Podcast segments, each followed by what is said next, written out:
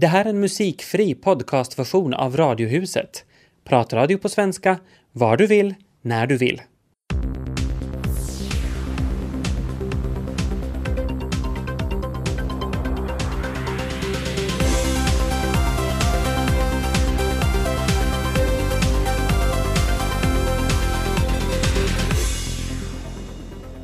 Psykvården har körts ner och det som idag kallas öppenvård fungerar inte. Det säger psykiater Kai Palmgren som tog sitt pick och pack och stack iväg på jobb till Sverige och Norge istället. Hör honom i Radiohuset om en stund. Och när du nyser, hostar och hackar så är du precis lika farlig i trafiken som om du druckit sprit. Det hävdar ny forskning. Radiohuset måndag med Tobias Larsson i Helsingfors. Och Tina Grönros i Ekenäs. Välkomna med!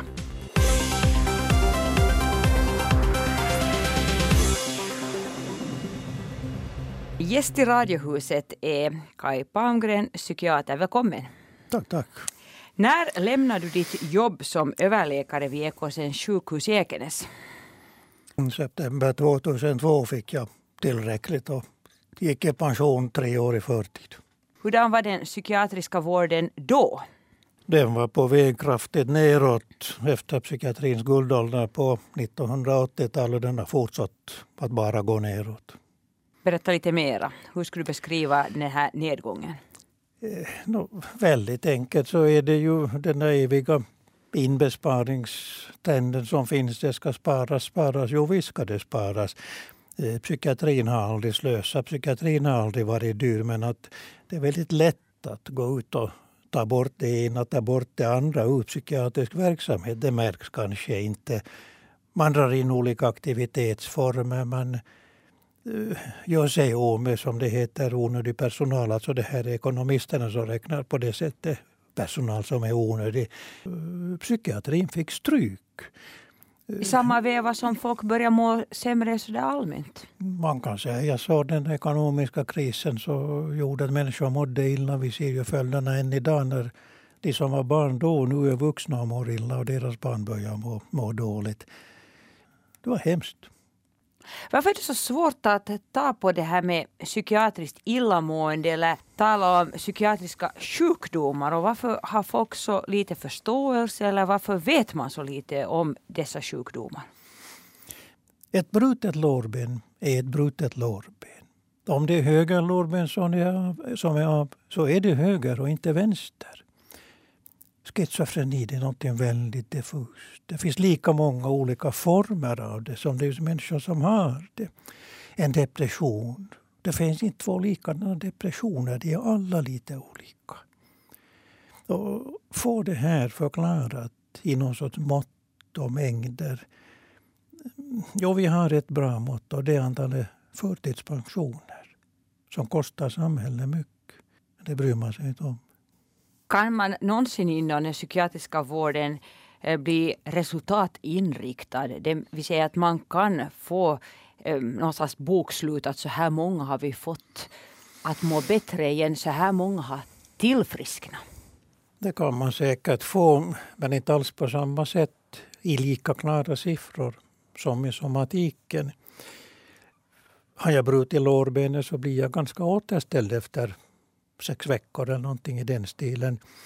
Eh, jag kan återhämta mig bra från en cancersjukdom och återgå till mitt arbete. Har jag en svår schizofreni så kommer jag nog aldrig mera upp till samma nivå som tidigare. Jag behöver specialarrangemang i mitt liv. Många depressioner, de flesta kommer upp igen till gamla, sitt gamla jag, borde kunna komma. Men det finns en möjlighet idag att hjälpa dem. Idag borde vi ju ha bättre mediciner. Eller är det kanske det som är problemet att eh, vi övermedicinerar våra patienter inom psykiatrin? Ja, vi behöver alltid bättre och bättre mediciner, det är klart det. Men eh, det finns nog en illavarslande trend idag att, med en övertro på mediciner när inte vi har någonting annat. Det är det. Människorna är i nöd. De vill ha hjälp. De har hört om mediciner. De vill ha mediciner. De flesta får, men det räcker inte. Du behöver jämsides med mediciner verksamhet, arbete, nyttig tillvaro, samtalsterapi, kontakt, bryta ensamhet. Det går inte med piller det här. Men vi är inne, tycker jag, i en ganska illavarslande just det här, det är medikalisering. Mediciner, mediciner. Sen är det ju ännu så hemskt att många människor har inte råd att köpa de här medicinerna. De är så fruktansvärt dyra, så de lämnar bort dem. No Kai Palmgren, du sa att du lämnade Ekåsens sjukhus i början av 2000-talet. Valde att gå tidigare i pension men du slutade ju ingalunda jobba. Var allstans har du arbetat efter, efter din pensionering? Jag har inte arbetat i Finland alls. Fick på något sätt så noga av det hela. Det var som att slå huvudet i väggen varenda en dag att försöka förklara för de här beslutsfattarna. Det var hemskt att gå omkring på en sjukvårdsavdelning och försöka förklara för personal, anhöriga, patienter. Det här är nog bra det här. Jag visste att det var inte bra. Så du for till Sverige, du for till Norge. Hur har det varit där? Jag for till, jag for till Norge jo, ett år. Det var väldigt spännande. Sen har jag varit i Sverige höst och vinter. Mm. Nej, men du sa att i, i, Norge har det varit spännande. Menar du att eh, de har bättre psykiatrisk vård i Norge? Nej, spänningen satt vi nog lite på andra ställen. Det var att helt enkelt komma bort och göra någonting annat. Eh, det är tyvärr en sån här världsomfattande trend nog att, att det skärs ner i Norge, det skärs ner i Sverige, det skärs ner i Finland. På något sätt så kan, tycker jag mig kunna säga att av de här länderna, Norge, Sverige, Finland, har vi kanske Finland ändå lite bättre än på andra ställen. Men det är inte bra. Mm, så du har märkt att det kan till och med vara sämre? Minsann, jag sitter. Mm. Det är mm. hemskt. Det är sant. Men berätta, hur, hur, hur till exempel sköts uh, psykiatrin i Sverige? I princip på, på samma sätt som, som här naturligtvis. Det finns, uh, som det ju är, det behövs psykiatriska sjukhus med vårdavdelningen. Eh, där är väl trenden lite det där att snabbt in men ändå snabbare ut. För det kommer flera in där i andra ändan. Det är så nedskuret där att det inte på något sätt hinner till. Öppenvården är nedtrappad där. Personalen den dignar där under jobb. De är fullständigt slutkörda. Människor är vind för våg. Piller, piller, mediciner. Sverige, det ställe jag har sitter där, så kanske ännu mer mediciner än här i Finland. Men där finns inte heller sen det andra. Det finns ännu mindre än i Finland. Det som behövs. Hur borde fungerande öppenvård se ut då?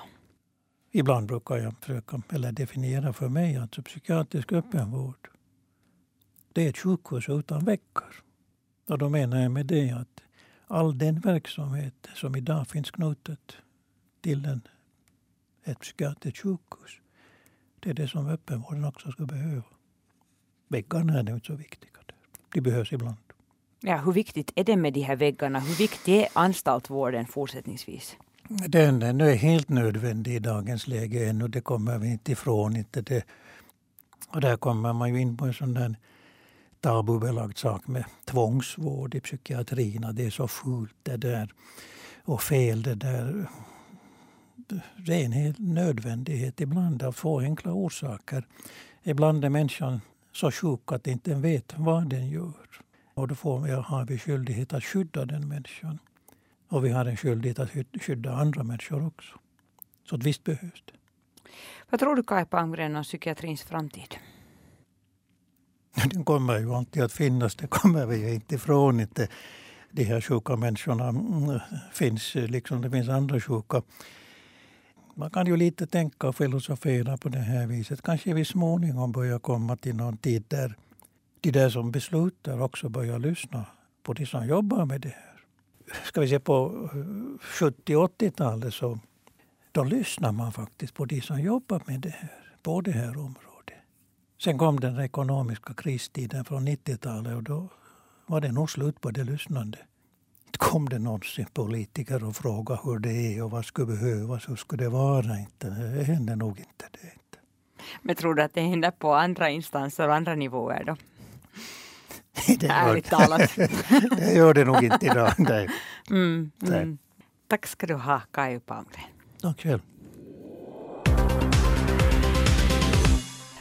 Tina, minns du det här larmet om bröstimplantat som kom sådär strax före jul? Åh, oh, jo, jag kommer ihåg. Mm -hmm. Efter att flera fall uppdagats då kvinnor med implantat av märket PIP drabbats av allvarliga tumörer så rekommenderades kvinnor att operera bort silikonet för säkerhets skull. Mm. Enligt fransk tv kan de här implantaten möjligen bara vara toppen på det berömda isberget. Tidningen Le Figaro publicerade förra veckan en artikel med siffror på att bara var, var femte protes i Frankrike genomgått något slags kliniska tester innan de tas i bruk. Det gäller alltså inte bara silikonimplantat utan det alltså handlar alltså om höftleder, pacemakers, andra livsnödvändiga tillbehör eh, som inte är testade. Mm, och som egentligen inte hör till i kroppen men så viktiga i vissa fall. Mm. I Frankrike finns det nämligen ingen standardisering för proteser och implantat. Eh, för mediciner råder sträng lagstiftning men när det gäller just proteser så är det tillverkarens ansvar att se till att lämpliga tester görs innan produkten når marknaden. Och en läkare Figaro i intervjuat säger att när han ifrågasatte en höftprotes så svarar tillverkaren att man har gjort grundliga tester fast på grisar. Eh, det kanske inte hjälper sådär jättemycket när höften ska in i en människa möjligen. Ja men det finns ju människor som är som svin. Förvisso, men kanske men inte rent fysiskt. Ja, alltså, nu ska du om det. Ja. Alltså, det är ju helt fel där. Alltså jag reagerar senast idag till exempel på de här moderna p-pillren och att eh, de nu eh, larmar om att det är betydligt farligare än de här som har använts under tidigare år. Ja, mm. så vi kan säkert vänta oss fler hälsorelaterade ramaskrin med andra ord. Eh, kanske på det här, för ett annan, en annan medicinsk nyhet i veckan presenterades av brittiska The Telegraph. Den, det är en ny undersökning som visar att förkylning slår hårt mot trafiksäkerheten. En kraftig förkylning har samma effekt på din bilkörning som fyra whisky. Alltså du blir seg, du reagerar för långsamt, du bromsar för snabbt och blir allmänt oförsiktig. Mm. Så flunsan gör att din trafikduglighet störtdyker med mer än 50 procent. Så nu går de brittiska försäkringsbolagen ut och råder sina kunder vänligen men mycket bestämt att låta bilen stå och att de, folk ska hålla sig i sängen när säsongsinfluensan slår till.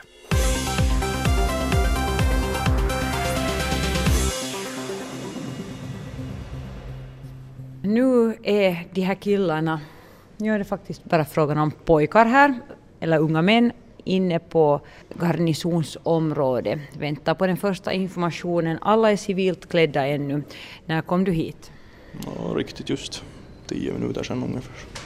Och hjärta bultar förstås och, och handsvetten känns? Ja, jo, skulle ju hjärta bulta så då skulle jag ju vara här.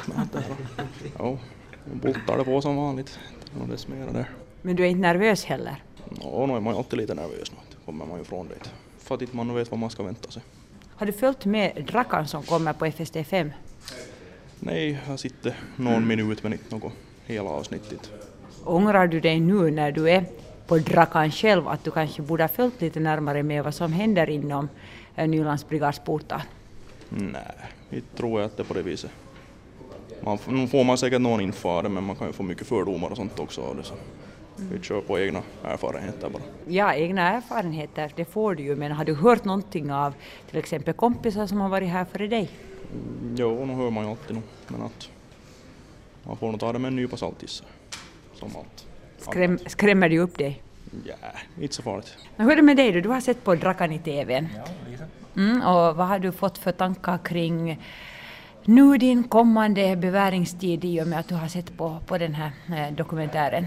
No, alltså, nu har det gett lite inblick om vad det handlar om här. Att, no, det är riktigt bra att man kunnat se lite vad det går ut på kanske före man kommer hit. No, är du nu spänd och nervös och funderar vad som hända skall? Uh, ja, nu är man ju lite nervös förstås men det hör väl till, antar jag. Och jag säger grattis till en finskspråkig kille som tänker eh, tjäna eh, fosterlandet här den närmaste tiden på svenska. Ja. Mm, hur valde du Dragsvik? Um, jag trodde att det skulle vara bra att lära lite svenska och det är obligatoriskt att göra militärreservis så, så jag, jag vet inte um, idiom på svenska men, men det är kaksi kärpästä yhdellä iskulla. Mm, två flugor på en smäll. Ja, mm. exakt. Mm, du klarar militärtjänstgöring och lär dig svenska. Exakt. Kanske träffar en svensk flicka. Ja, Vem kanske, vet? Kanske. Vem vet? Har du sett på Drakan i TV? Några, några gånger, ja. Mm. Nå, vad har du tänkt när du har sett på det då? Ja, um, det ser ut ganska ranka, vad är det? Mm, tufft. Äh, Tufft, ja men jag hoppas att, ja, jag, jag tror att jag, jag kan klara det. Mm. Så. Jag frågar de andra än att om de är nervösa nu inför den tid de har framför sig. Hur är det med dig? Jag tror att um, det här radiointervju är mer nervös inför mig men, än, än att bara vara här men jag vet inte.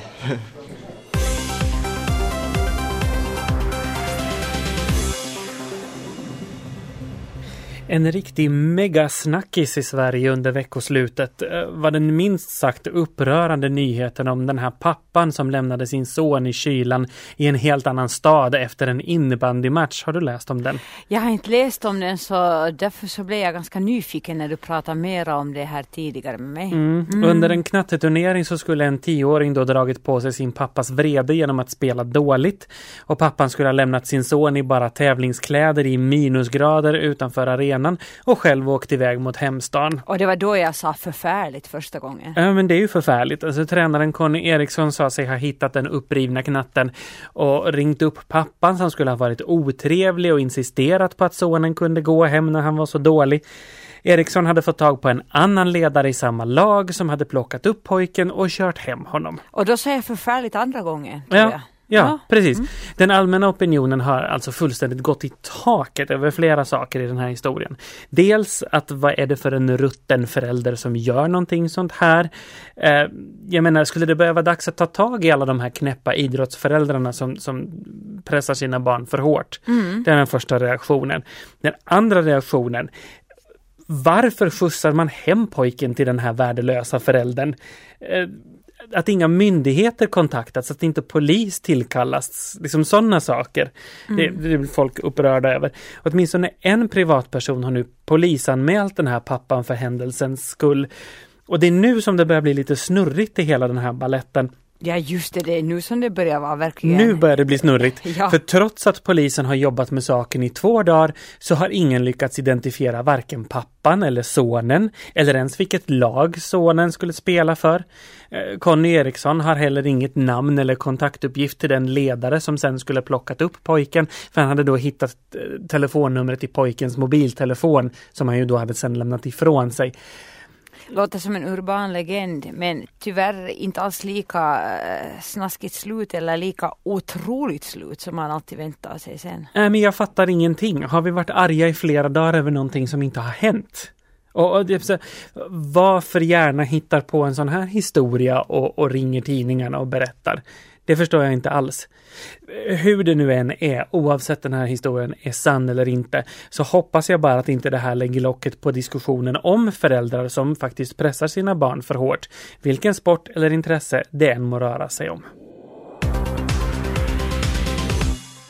Allt det här är så pass nytt så att vi har en dammsugare igång här också. Dessutom finns det lite arbetskarrar där ute och, och drar några ledningar och gör det sista. För idag är dagen D för den stora fusionen då svenskspråkiga Vasa gymnasium och Vasan Lyceum Lukio sammanstrålar under samma tak. Det här är en unik händelse i Finland och mycket aktuell tack vare den pågående, ganska ibland i alla fall hektiska språkdebatten vi har just nu. Fritiof Sahlström, du är docent i pedagogik och lektor vid institutionen för beteendevetenskap vid Helsingfors universitet och dessutom med här i en forskningsgrupp som ska undersöka det här och vara med och iaktta och se hur det, här, det hela går. Det är en stor spännande dag för oss idag också. Vi är ju med nu när de för första gången ska vara under samma tak. Eleverna och lärarna som vi redan i höstas har följt när de har varit kvar i sina gamla vanliga enspråkiga skolbyggnader. Så vi, vi ser med stort intresse fram emot den här dagen och de här, ja, de här dagarna som kommer den här första veckan.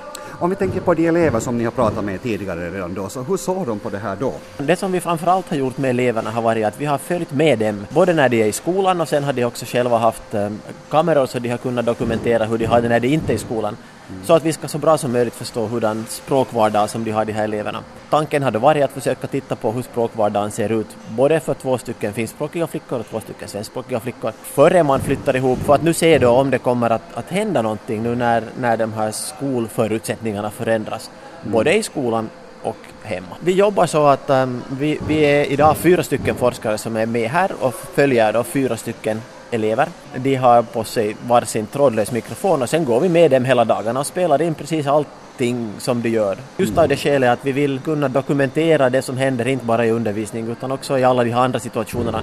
Det är ju där som de framförallt kommer att och mötas så här i början, mm. är ju inte i undervisningen utan utanför undervisningen. Det här nu med att låta cirka 900 gymnasieelever sammanstråla eh, mest kommer de nog att vara för, var för sig i sina respektive språkgrupper men, men vissa valmöjligheter har de att uh, ha samma ämnen samtidigt. Så vad är vinsten som du ser det? Det är ju än så länge en empirisk fråga, alltså det är det som vi är här för verkligen att ta reda på, hur det verkligen blir på riktigt. Så, men din egen utgångspunkt? Men det finns ju stora möjligheter till ökade kontakter mellan språken och, och språkgrupperna och möjligheter till en större insyn i och kunskap om den andra kulturen. De möjligheterna är ännu lite bättre nu än vad de var när man inte under samma tak. Mm. Men hur det egentligen blir, det, det måste man också vara liksom noga med. Det, det vet vi inte. Här finns ju jättestora ambitioner hos många lärare på att, att ta möjligheterna och samarbeta på sätt som man inte tidigare kunnat göra. Så jag tror att här kommer att hända mycket, men exakt, exakt hur det blir, det vet, det vet vi inte ännu. Något negativt som du kan komma att tänka på så här på förhand? Hittar du någonting? Den farhåga som har funnits hos, och som finns hos många människor, där man är, är bekymrad över vad som ska hända med svenskan när man gör eh, sådana lösningar som är tvåspråkiga, även om det fortfarande är, är två skilda skolor så är det, är, det, är det ju mer tvåspråkighet nu än vad det tidigare har varit. Så den är befogad och den måste man ta på allvar. Alltså det, det är väl den risken som kan finnas är att, att svenskan på lång sikt kan komma att hamna i ett underläge. Det vet vi inte heller om det blir så. Men mm. om man nu tittar omkring sig här så i alla fall än så länge så är skyltarna på båda språken mm. och, och det, det, finns tror jag just i det här projektet där vi är nu en verkligen liksom uttalad ambition att det, att det ska vara ett, ett samarbetsprojekt där, där man möts på lika villkor. Så att det finns inte ett jag tror inte att det finns något intresse från någon del gruppen eller från någon grupp eller någon aktör just i den här flytten i alla fall att, att på något sätt förfinska eller försvenska. Du har själv vuxit upp här i Vasa Korsholmstrakten men varit bosatt länge nu då i Helsingfors. Det att, det att det här händer just här, har det betydelse? Jag tror att det har betydelse, inte minst av den anledningen att just i den här trakten är det ju inte så, just nu i alla fall, att, att någon del av de här språken som är här berörs är hotade eller, eller särskilt små eller utsatta utan det här är en region där det finns en stark tvåspråkighet och, och där man kan fungera bra på både svenska och finska. För Vasa är det här en jättefin möjlighet att prova någonting utan att behöva känna samma oro som man kan känna i kommuner där, där svenskarna är väldigt minoritet. Där, där kan man förstå att, att man, är mer, ja, man är mer orolig vad som ska hända med svenskan. Här är inte risken lika stora utan här finns det kanske mera möjligheter. Överlag kan man väl säga att det råder i, i vårt samhälle idag en, en, en rädsla för tvåspråkiga skolor. Tycker du att, att den är berättigad den här? Mm. Jag, jag, vet inte om jag helt håller med om att mm. det finns en rädsla. Alltså det finns både och. Mm. När man tittar på de här olika undersökningarna, galluparna som kom där före jul så var det kanske snarare så att, att, att det är en fråga som har en tendens att polarisera lite. Alltså att man tycker antingen att man absolut inte ska ha mera tvåspråkighet av olika varianter eller så är man ganska starkt för att man ska ha tvåspråkighet av olika varianter. Så på det sättet är det en fråga som engagerar. Och den engagerar både på det sättet att man är starkt emot det men också på de ställen till exempel där vi nu sitter just nu så är man ju för, inte att göra en tvåspråkig skola för det är inte det man gör här, mm. men för att, för att öka möjligheterna till kontakt. Så det är snarare det är en engagerande fråga som har en tendens att dela, särskilt de svenskspråkiga i Finland med avseende på hur man ser på det. Hur tror du ungdomarna kommer att bete sig nu när de kommer här alldeles snart eh, från båda språkgrupperna, mellan de här språkgrupperna idag och säg nu senare mot sommartiden? Ja, om jag skulle veta det så skulle jag inte behöva vara idag med fyra, fyra kollegor och kameror och alltihopa här. Vi har varit med en tidigare gång, inte precis den första dagen när de flyttade ihop och det var mycket yngre barn. Mm. Men den gången så hände det förvånansvärt lite. Där var det fortfarande så att de här skolorna som var då i samma tak, en finsk och svenskspråkig skola, levde ganska långt sina egna liv och de hade egna rasttider och åt på egen, egna platser i matsalen och där hände det nödvändigtvis inte så mycket så det, det kan bli så, eller så kan det bli på det sättet att här finns mera kontakter och att det ser ut på ett annat sätt. men det vet vi inte, det är därför som det är så viktigt att, att vi är här nu mm. och den här våren, just för att se hur blir det?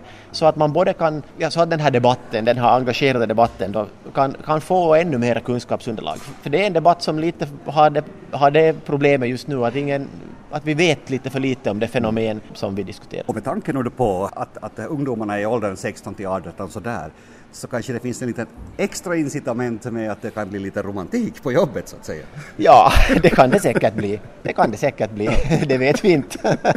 Jag har ju gått själv här alltså i Vasa övningsskolas gymnasium och det har ju varit tvärs över gatan från det finskspråkiga gymnasiet men vi hade ju då på den tiden, så som jag i alla fall själv förstod det som elev, så inte hade vi någon som helst kontakt.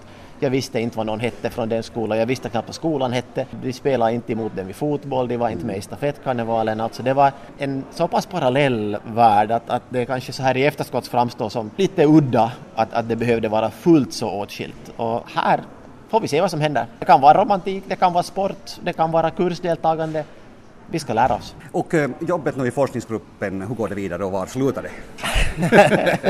Var det slutar det är vi dåliga på att veta, vi, vi forskare. Men det som det går vidare är att vi, vi kommer nu att vara med de här dagarna här, första dagarna, några av de här första dagarna. Vi kommer också att följa med de här ungdomarna och lärarna under våren och under nästa läsår, just för att titta på vad som händer dels med avseende på användningen av finska och svenska rent konkret och med avseende på det sätt på vilket man pratar om och förhåller sig till den andra till det andra språket och till den andra kulturen. Så i alla de här videotimmarna som vi nu spelar in så är det sådana saker som vi letar efter för att då se för det första om de förekommer och, och, och, i så fall om de förekommer, var de förekommer, med vilken frekvens och hur ser det ut med avseende på det som vi tittade på då i höstas före de flyttade ihop.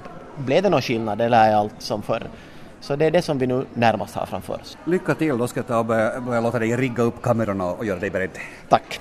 har två stycken eh, gymnasister här också. Ni är dessutom tutorer. Vad heter ni? Uh, Isabella Järvinen.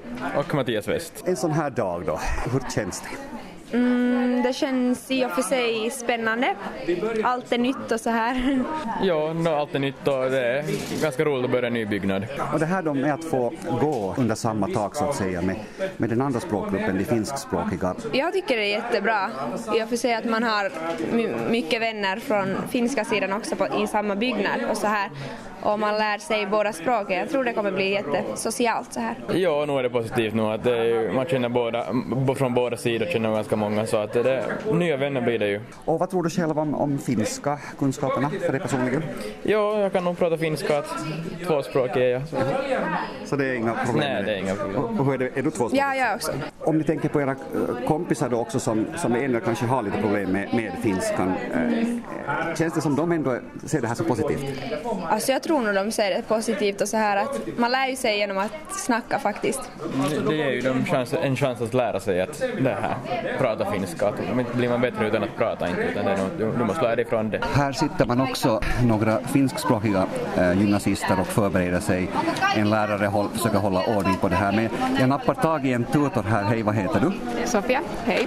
Nå Sofia, en sån här dag nu då när det kommer svenskspråkiga kollegor, gymnasister hit också. Hur känns det? No, jag tycker att det är helt okej. Okay, ja. Ser du det som konstigt eller? No, lite nog. Men inte vet jag. Nu tycker jag om det här. Nå, tror du att, att de svenskspråkiga är något annorlunda än, än dina vanliga kompisar? Nä, är det samma sak? Jag har också svenska kompisar. Så.